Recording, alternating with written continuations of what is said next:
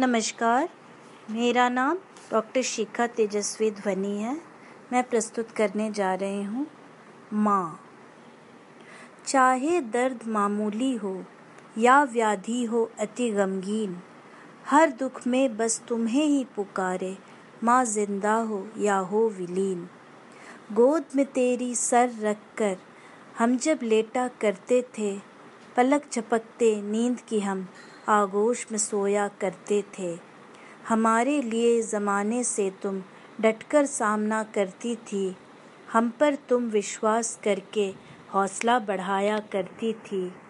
जब वक्त तुम्हें संभालने का था, तुम बिल्कुल खामोश हो गई। हम खुद में तल्लीन कहाँ थे? तुम बिल्कुल अदृश्य हो गई। सच है, दस बच्चों को भी एक माँ अकेले है पाल सकी।